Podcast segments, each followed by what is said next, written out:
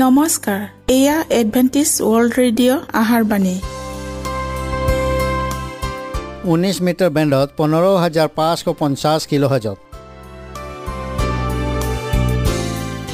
Adventist world radio যোগে অসমীয়া ভাষাত প্ৰচাৰিত আহাৰবাণী প্ৰত্যেক বুধবাৰ আৰু দেওবাৰ সন্ধিয়া সাত বজাত আহাৰবাণী শুনাৰ পিছত আপোনালোকৰ কিবা মন্তব্য আৰু প্ৰশ্ন থাকিলে আমালৈ এই ঠিকনাত লিখক। আমাৰ ঠিকনাটি হৈছে Adventist World Radio' Seven Day Adventist মণ্ডলী অসম শাখা লতাকাটা বশিষ্ট গুৱাহাটী সাত আঠ এক শূন্য দুই ন।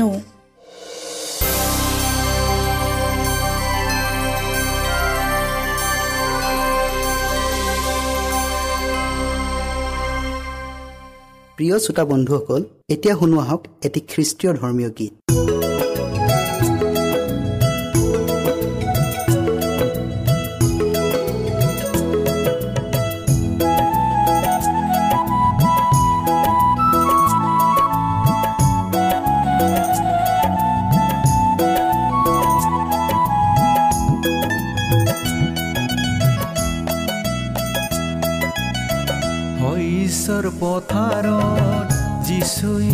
যিচুৱে মাতিছে ৰিঙিয়াই ৰিঙিয়াই মোৰ বন্ধু ৰিঙিয়াই ৰিঙিয়াই মোৰ বন্ধু ৰিঙিয়াই ৰিঙিয়াই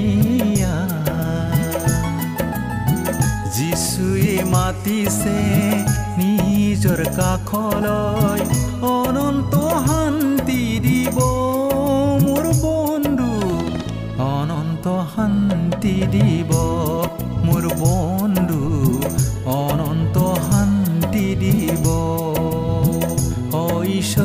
পথাৰত যিচুৱে মাতিছে ৰিঙিয়াই ৰিঙিয়াই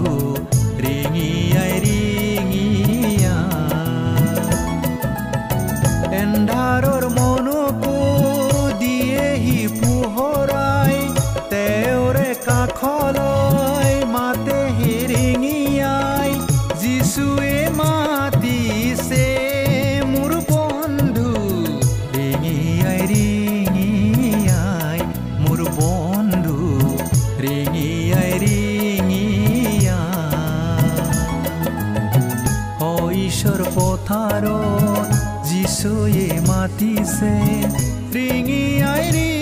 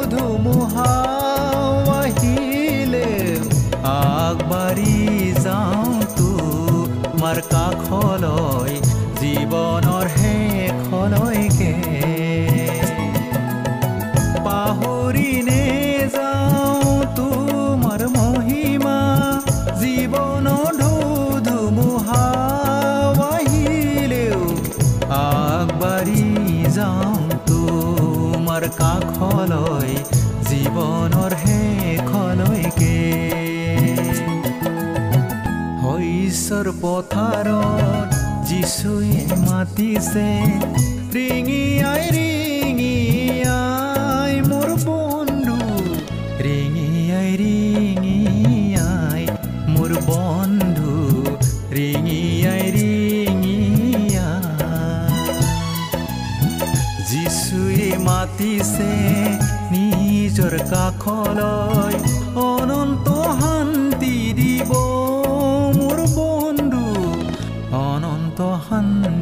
দিব মোৰ বন্ধু অনন্ত শান্তি দিব।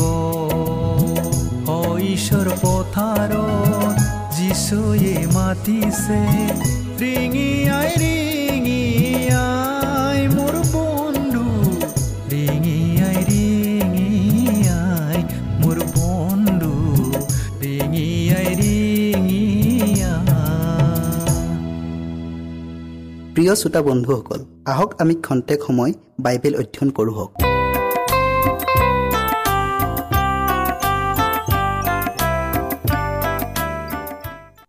বিশ্বাস আৰু গ্ৰহণ।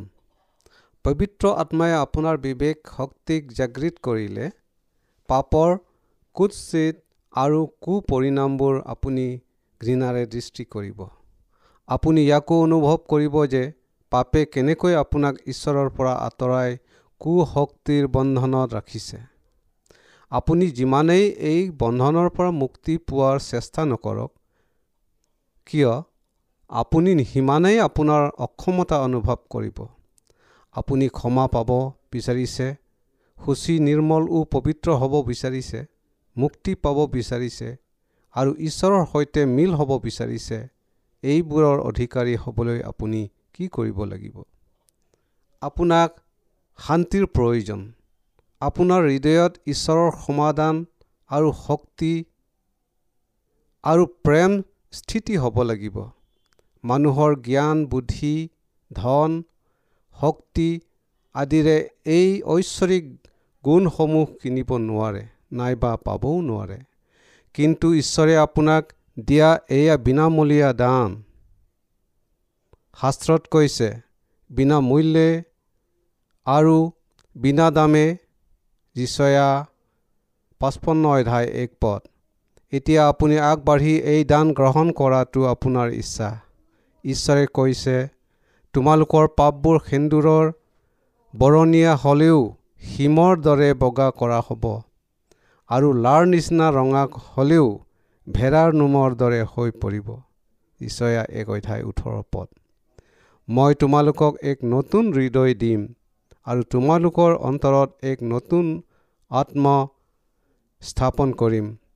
যিহিচকেল ছয়ত্ৰিছ অধ্যায় ছাব্বিছ পদ। আপুনি আপোনাৰ পাপসমূহ স্বীকাৰ কৰি হৃদয়ৰ আটাই অসুচি দূৰ কৰক। ঈশ্বৰক গ্ৰহণ কৰিবলৈ দৃঢ় প্ৰতিজ্ঞা হওক। এতিয়া তেওঁৰ ওচৰলৈ গৈ আপোনাৰ পাপবোৰ ধুই নিকা হৈ তেওঁৰ পৰা এক নতুন হৃদয় খোজক। কিয়নো তেওঁ নিজেই খোজা যাওক দিয়াৰ প্ৰতিশ্ৰুতিবদ্ধ। পৃথিৱীত থকা কালত যীশুৱে এই শিক্ষাকেই কৈছিল তেওঁৰ ওচৰলৈ অহা আটাই লোকক সকলো প্ৰকাৰৰ শাৰীৰিক ৰোগৰ পৰা সুস্থ কৰাৰ উপৰিও আত্মিক ৰোগত অথবা পাপৰ বন্ধনত থকা লোককো ক্ষমা কৰি স্পষ্টভাৱে কৈছিল। কিন্তু পৃথিৱীত পাপ ক্ষমা কৰিবলৈ মানুহৰ পুত্ৰৰ যে ক্ষমতা আছে ইয়াক তোমালোকে জানিবলৈ তেতিয়া তেওঁ যথৰ ৰোগীজনক ক'লে উঠা তোমাৰ শয্যা তুলি লৈ নিজৰ ঘৰলৈ যোৱা। মুঠি নয় ধাই ছয় পদ যীশুৱে কৰা আচৰিত কৰ্মবোৰ বিষয়ে শুভবাৰ্তা প্ৰচাৰক জোহনে কৈছে। কিন্তু যীশুৱে যে ঈশ্বৰৰ পুত্ৰ খ্ৰীষ্ট ইয়াক যেন তোমালোকে বিশ্বাস কৰে আৰু বিশ্বাস কৰি তেওঁৰ নামত যেন জীৱন পোৱা এই নিমিত্তে এইবোৰ কথা লিখা হ'ল। জহন বিছ অধ্যায় একত্ৰিছ পদ। বাইবেল বৰ্ণিত যীশুৱে ৰোগীজনক সুস্থ কৰা এই সাধাৰণ ঘটনাই আমি কেনেকৈ তেওঁত বিশ্বাস কৰি পাপৰ পৰা মুক্তি পাম ইয়াৰ এটি স্পষ্ট শিক্ষা দিয়ে। এতিয়া আমি বেতচাইদা পুখুৰী পাৰৰ আঠত্ৰিছ বছৰে জঠৰ হৈ পৰি থকা ৰোগীজনৰ ঘটনালৈ মন কৰোঁ হওক। ৰোগীজনৰ হাত ভৰি অচল আৰু নিথৰ হৈ থকা অৱস্থা দেখিও যীশুৱে তেওঁক আদেশৰ সুৰতেই ক'লে উঠা তোমাৰ শয্যাতলীলৈ যোৱা। জোহন পাঁচ অধ্যায় আঠ পদ। যীশুৰ কথা শুনি ৰোগীয়া মানুহজনে হয়তো ক'ব লাগিছিল হে প্ৰভু আপুনি মোক আগেয়ে সুস্থ কৰিলেহে মই আপোনাৰ আদেশ পালন কৰিব পাৰিম। কিন্তু ৰোগীজনে তেনে একোকেই নক'লে কাৰণ তেওঁ খ্ৰীষ্টৰ কথাত বিশ্বাস কৰিছিল। সেয়েহে খ্ৰীষ্টে কোৱা মাত্ৰেই তেওঁ সুস্থ হৈ তৎক্ষণাত খোজ কাঢ়িবলৈ সক্ষম হ'ল। তেওঁ বিশ্বাসেৰে খ্ৰীষ্টৰ বাক্যৰ বাধ্যতা হ'ল ঈশ্বৰৰ পৰা শক্তি পালে আৰু সুস্থও হ'ল। এই একেই ধৰণেৰে আপুনি এজন পাপী। আপুনি নিজেই নাইবা বাৰ্ষিক ৰীতি নীতিৰ দ্বাৰা আপোনাৰ অতীতৰ পাপৰ প্ৰায়চিত্ৰ কৰিব নোৱাৰে। আনহাতে সজ আচৰণ সৎ চিন্তা সৎকৰ্ম আদি গুণবোৰেৰেও আপুনি আপোনাৰ হৃদয় পৰিৱৰ্তন আৰু পবিত্ৰ কৰিব নোৱাৰে। কিন্তু ঈশ্বৰে খ্ৰীষ্টৰ যোগেদি আপোনাৰ আটাইবিলাক পাপ মোচন কৰিবলৈ এতিয়াও তেওঁৰ নিজ প্ৰতিজ্ঞাত অলৰ হৈ আছে। এতেকে আপুনি তেওঁৰ প্ৰতিজ্ঞাত ভৰসা কৰি আপোনাৰ পাপ স্বীকাৰ কৰক আৰু নিজকে তেওঁত সোধাই দিয়ক। যদি আপুনি তেওঁৰ প্ৰতিজ্ঞাত বিশ্বাস কৰিছে তেতিয়াহ'লে বিশ্বাস কৰক যে আপোনাৰ পাপ ক্ষমা হ'ল আৰু আপুনি সুচী হ'ল।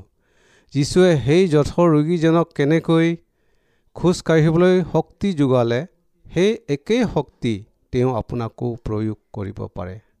কেৱল মাথো ৰোগীজনৰ দৰে আপুনিও তেওঁক বিশ্বাস কৰক। আপুনি সুস্থ হোৱালৈ চিন্তা কৰি অপেক্ষা নকৰিব।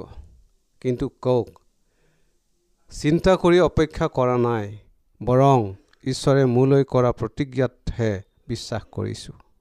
যীশুৱে কৈছে তোমালোকে প্ৰাৰ্থনা কৰি যি যি খোজা সেই সকলোকে পালোঁ বুলি বিশ্বাস কৰা তেহে পাবা। মাৰ্ক এঘাৰ অধ্যায় চৌবিছ পদ। উক্ত শাস্ত্ৰ পদত এটা চৰ্ত অৰূপ কৰা হৈছে সেয়ে আমি প্ৰাৰ্থনা কৰাৰ সময়ত ঈশ্বৰৰ ইচ্ছা অনুসাৰে যেন প্ৰাৰ্থনা কৰোঁ। পাপ ৰোগৰ পৰা মুক্ত হ'বলৈ যেতিয়াই প্ৰাৰ্থনা কৰোঁ তেওঁ আমাৰ ক্ৰদন শুনিলে বুলি বিশ্বাস কৰোঁ হওক। এইকাৰণে যীশুখ্ৰীষ্টত থকাবিলাকলৈ কোনো দণ্ডজ্ঞা নাই ৰুমিয়া আদধ্যায় এক পদ এই হেতুকে এতিয়াৰ পৰা আপুনি নিজৰ অধীন নহয় কিয়নো আপোনাক মূল্যৰে কিনা হ'ল প্ৰথম পিতৰ এক অধ্যায় ওঠৰ আৰু ঊনৈছ পদ। এই বিষয়ে এনেদৰে কৈছে তোমালোকে সোণ ৰূপ আদি ক্ষয়নীয় বস্তুৰ দ্বাৰাই যে মুক্ত হ'লা এনে নহয়। নিৰ্ঘুণী আৰু নিষ্কলংকিত মেৰ পোৱালী স্বৰূপ খ্ৰীষ্টৰ বহুমূল্য তেজৰ দ্বাৰাইহে মুক্ত হ'লা। এই সহজ সৰল ব্যৱস্থাৰ যোগেদি ঈশ্বৰক বিশ্বাস কৰিলেই পবিত্ৰ আত্মাই আপোনাক হৃদয়ত এক নৱজীৱন প্ৰদান কৰিব আৰু লগে লগে ঈশ্বৰৰ পৰিয়ালত নৱজাত শিশুৰ দৰে আত্মিক জন্ম পোৱাত নিজ পুত্ৰ খ্ৰীষ্টক প্ৰেম কৰাৰ দৰে তেওঁ আপোনাকো প্ৰেম কৰিব। এতিয়া আপুনি নিজকে যীশুত সোধাই দিয়াৰ পাছত তেওঁৰ পৰা আৰু আঁতৰি নাহি বৰং নিতৌ কওক মই খ্ৰীষ্টৰ কাৰণ মই নিজকে তেওঁত সোধাই দিলোঁ। তেওঁৰ পবিত্ৰ আত্মাৰ শক্তি আৰু অনুগ্ৰহ পোৱাৰ পাছৰে পৰাই মই ঈশ্বৰৰ সন্তান হ'লোঁ আৰু এই মুহূৰ্তৰ পৰাই তেওঁৰ খোজাৰ অনুগামী হ'লোঁ। শাস্ত্ৰত কোৱা হৈছে তোমালোকে খ্ৰীষ্টক অৰ্থাৎ প্ৰভু যীশুক যেনেকৈ গ্ৰহণ কৰিলা তেনেকৈ তেওঁতেই চলা। কলচীয়া দুই অধ্যায় ছয় পদ। ঈশ্বৰৰ আগত নিজকে সম্পূৰ্ণ পৰিৱৰ্তন কৰি তেওঁৰ আশীৰ্বাদ প্ৰাপ্ত হোৱাৰ প্ৰমাণ নোপোৱালৈকে পৰীক্ষামূলকভাৱে চেষ্টা কৰি থাকিবা। এই বিষয়ে চিন্তিত হৈ থকা দেখা যায়। কিন্তু এয়াই তেওঁবিলাকৰ অমূলক চিন্তা। তেওঁবিলাকে এই আশীৰ্বাদ ঈশ্বৰৰ পৰা এতিয়াও পাব পাৰে। যদিহে নিজে কৰা আটাই কু কৰ্মৰ কাৰণে অনুতপ্ত হৈ তেওঁৰ ওচৰলৈ আহে। এইখিনিতে সহস্ৰজনে নিৰাশাত ভোগে আৰু কয় যীশুৱে তেওঁবিলাকক ব্যক্তিগতভাৱে ক্ষমা কৰিব পাৰে বুলি ঈশ্বৰে কৰা প্ৰতিজ্ঞাত বিশ্বাস নকৰে।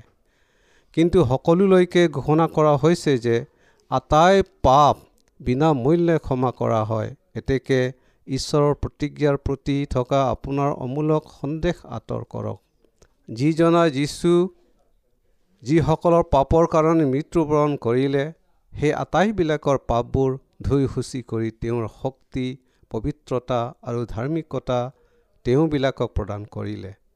আৰু যিসকলে এতিয়াও মন কঠিন কৰি ৰৈ আছে যীশুৱে তেওঁবিলাকৰ কলসীত আৰু পাপৰ চেকা লগা বস্ত্ৰ সকলোকেই ধাৰ্মিকতাৰ শুভ্ৰ বস্ত্ৰ পিন্ধাবলৈ বাট চাই ৰৈ আছে।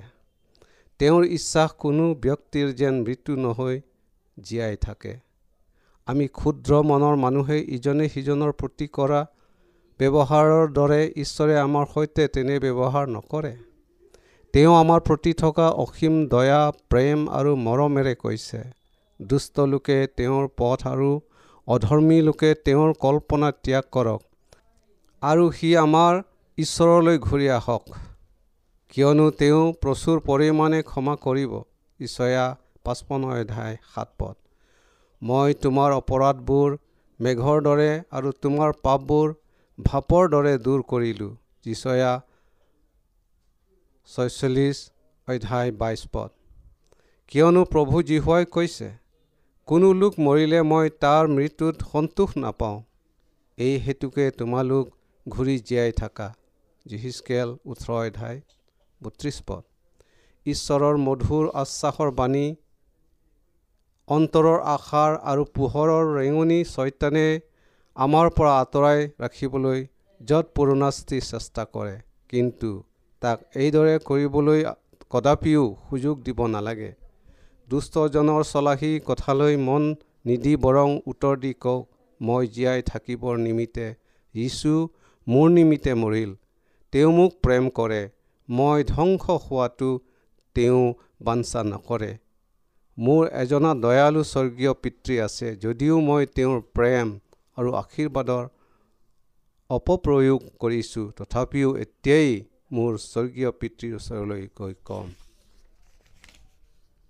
মই স্বৰ্গ আৰু আপোনাৰ বিৰুদ্ধে পাপ কৰিলোঁ আৰু আপোনাৰ পুত্ৰ বুলি মতাৰ মই যোগ্য নহওঁ। মোক আপোনাৰ এটা চাকৰৰ নিচিনা ব্যৱহাৰ কৰক। এই দৃষ্টান্তই পথভ্ৰষ্ট হোৱাজনকো ঈশ্বৰে কেনেকৈ গ্ৰহণ কৰে তাকে আপোনাক দেখুৱায়। কিন্তু সি দূৰৈত থাকোঁতেই তাৰ বাপেকে তাক দেখি মৰম লাগি লৰি গৈ তাৰ ডিঙিত ধৰি চুমা খালে। লোক পোন্ধৰ অধ্যায় ওঠৰ আৰু বিছ। এই দৃষ্টান্তটি যিমানেই কৰুণ আৰু হৃদয় স্পৰ্শী নহওক কিয় স্বৰ্গীয় পিতৃ অসীম দয়াৰ প্ৰকৃত স্বৰূপ প্ৰকাশ কৰিব নোৱাৰে।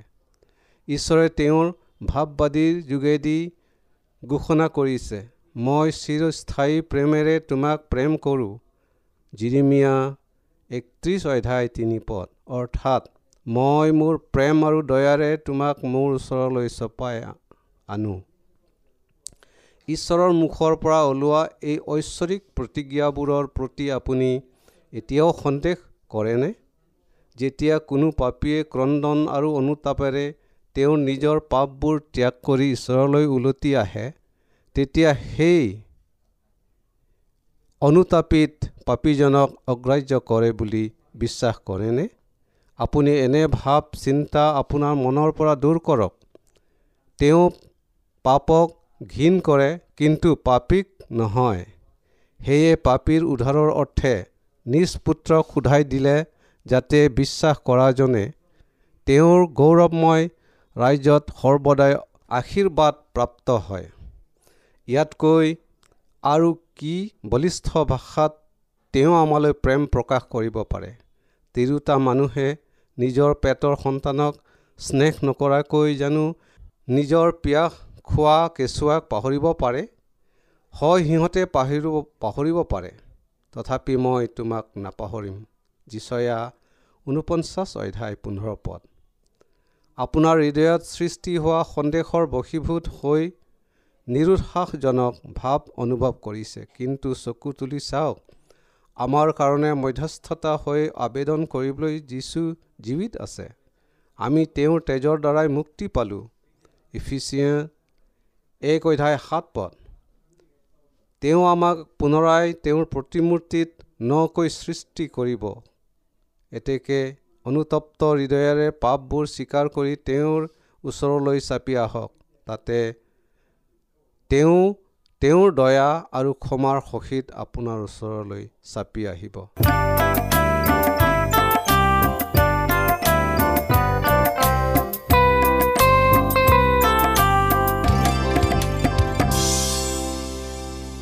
ইমানপৰে আমি বাইবেল অধ্যয়ন কৰিলোঁ। এতিয়া আকৌ শুনো আহক এটি খ্ৰীষ্টীয় ধৰ্মীয় গীত।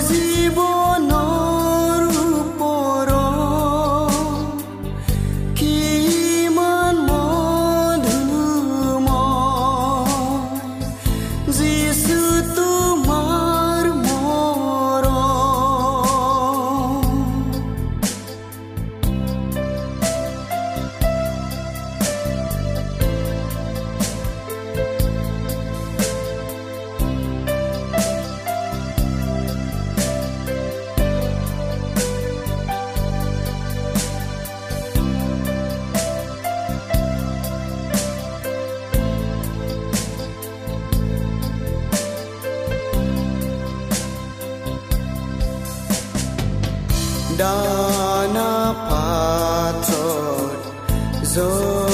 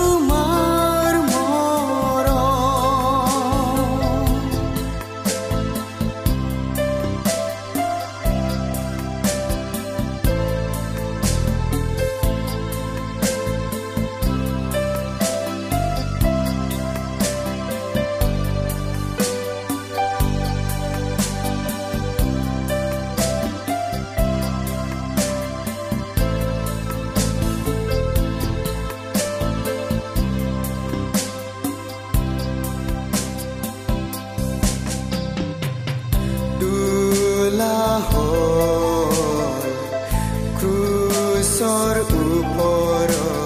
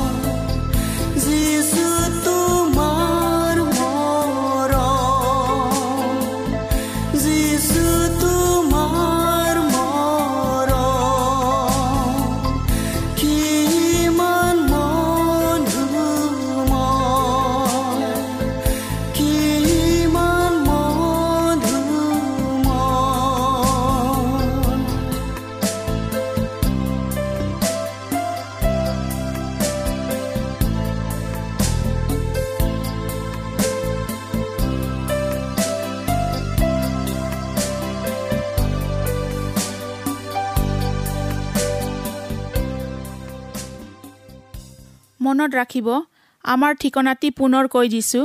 Adventist World Radio' Assam region of Seven Day Adventist Voice of Hope Latakata Basistha Guwahati seven eight one zero' two nine প্ৰিয় শ্ৰোতা বন্ধুসকল এডভেণ্টিজ ৱৰ্ল্ড ৰেডিঅ' যোগে আহাৰবাণী প্ৰচাৰত আপোনালোকক পুনৰ লগ পোৱাৰ আহাৰে আজিলৈ সামৰিলোঁ।